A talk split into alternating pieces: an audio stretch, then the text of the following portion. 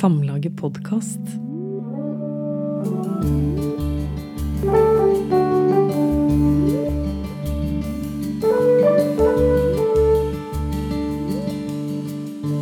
Hvem var Marie Takvam? Marie Takvam var en eh, lyriker fra Sunnmøre som eh, reiste til Oslo for å eh, utdanne seg i psykologi, faktisk. Men eh, som eh, da um, gifta seg og avslutta studiet, så debuterte hun med dikt i 1952. Så skrev hun en serie med diktsamlinger. Den siste kom i, i 1990. Eh, Da var hun faktisk ganske skrøpelig og, og begynte å bli glømsk. Men skrev, den er full av, av gode, sterke dikt. Og så skrev hun i tillegg tekster til Barnetimen for de minste, som noen barnebøker. Ja. Og, så skrev hun eh, et par romaner, og hun hadde også tilknytning til teateret. eh, Der hun spilte noen roller osv. Men først og fremst er hun en, en av de store lyrikerne i eh, etterkrigstida. Blir hun huksa som det. Det blir hun nok huska som. Det er nok som lyriker hun primært er kjent. Eh, I tillegg til at det var en stor diskusjon om noen filmroller som hun hadde eh, på 70-tallet. Men det er mer sånn eh, tøvete diskusjoner, vil jeg si. Så hvis du spør folk hvem er Marie Takvam, og liksom, hva vet du om henne, så tror jeg de vil huske noen titler av dikt og sånn. Så, så hun er en stor lyriker. Mm, så hennes omdømme i litteraturen, det har vært godt. Ja, ja og, hos det lesende publikum så det, står det veldig sterkt fremdeles. Eh, hun er den yngste av de fire i denne vesle podkastserien her. Uh, ble hun behandla best av deg? Nei, en, en kunne jo håpet at verden gikk framover. Ja. Men av de fire som jeg har sett på, så er det jo ingen som er blitt behandla så stygt som uh, Marie Takvam. YouTube. Ja, det var sånn at eh, Marie Trakvam hadde en periode i livet sitt eh, der eh, hun mista kontrollen. Hun og mannen gikk fra hverandre i 1969. Og, og da kom hun inn i et kulturradikalt forfattermiljø der det var veldig mye alkoholbruk. Og det, det greide vi ikke å håndtere ordentlig. Og Magnus Takvam, sønnen, som har skrevet en biografi, veldig flott, om mora som kom i fjor høst, han sier at hun da begynte med en levemåte som med medisinsk nødvendighet måtte føre til sammenbrudd, skriver han. Så det var, det var en veldig vond periode for han, og, og vanskelig sikkert for henne også. Den varte da fram til midten av 80-tallet.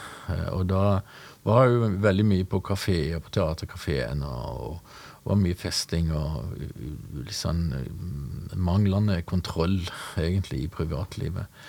Eh, og um, i samme periode så spilte hun inn eh, Spilte hun en rolle i en film som heter 'Åpenbaringen' av Vibeke Løkkeberg. Og der er det en scene der hun eh, dusjer, så du ser hun naken.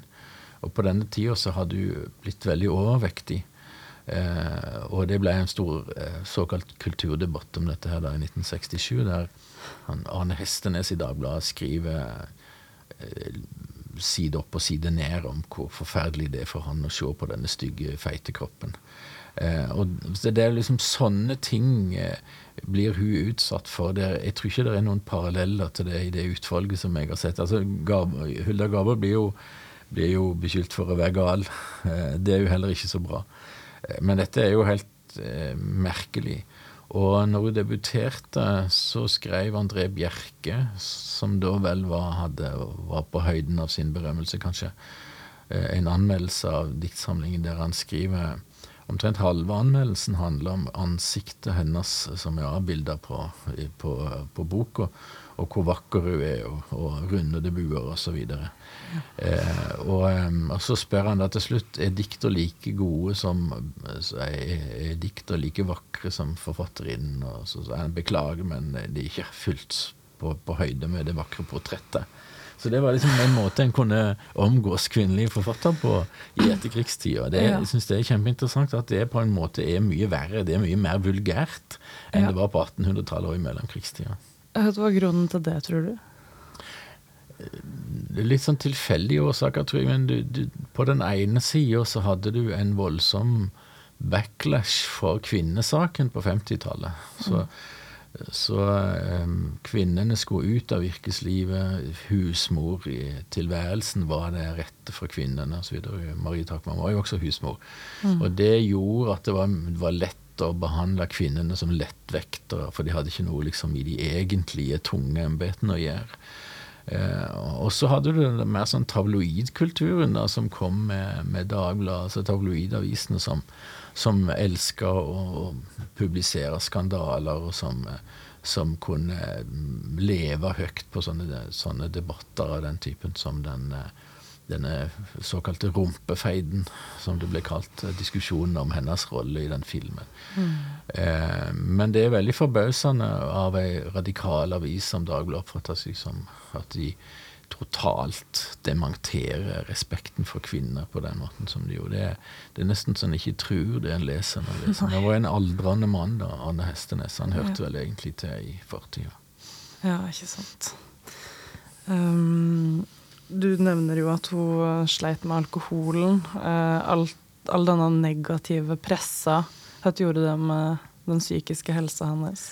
Hun var nok en eh, type eh, psykisk type som hadde, som hadde stort spenn. Altså at hun hadde stort spenn i stemninger, og, og sikkert eh, var litt utsatt. Men eh, egentlig så syns jeg det å skrive i disse, disse stridighetene er jo veldig sindig og klokt. Så det, det, er jo ikke, det er ikke hun som er gal, det er jo verden rundt som er gal. Ja, for hun svarer på Ja, hun har noen innlegg. Hun kommenterer i intervjuet og sier det sånn at enten gir det en eh, Før var hun for vakker, og nå er hun for tjukk, så er Det er jo liksom galt uansett. Så det er jo mm. absolutt den moralske vinneren, syns jeg, i, i, disse diskusjonene. Men så syns jeg det er viktig å, å få fram at uh, denne perioden, den uh, var en, en, liten del av hennes forfatterskap. Altså På 50-tallet fungerte hun helt fint, på 60-tallet fungerte hun helt fint. Mm.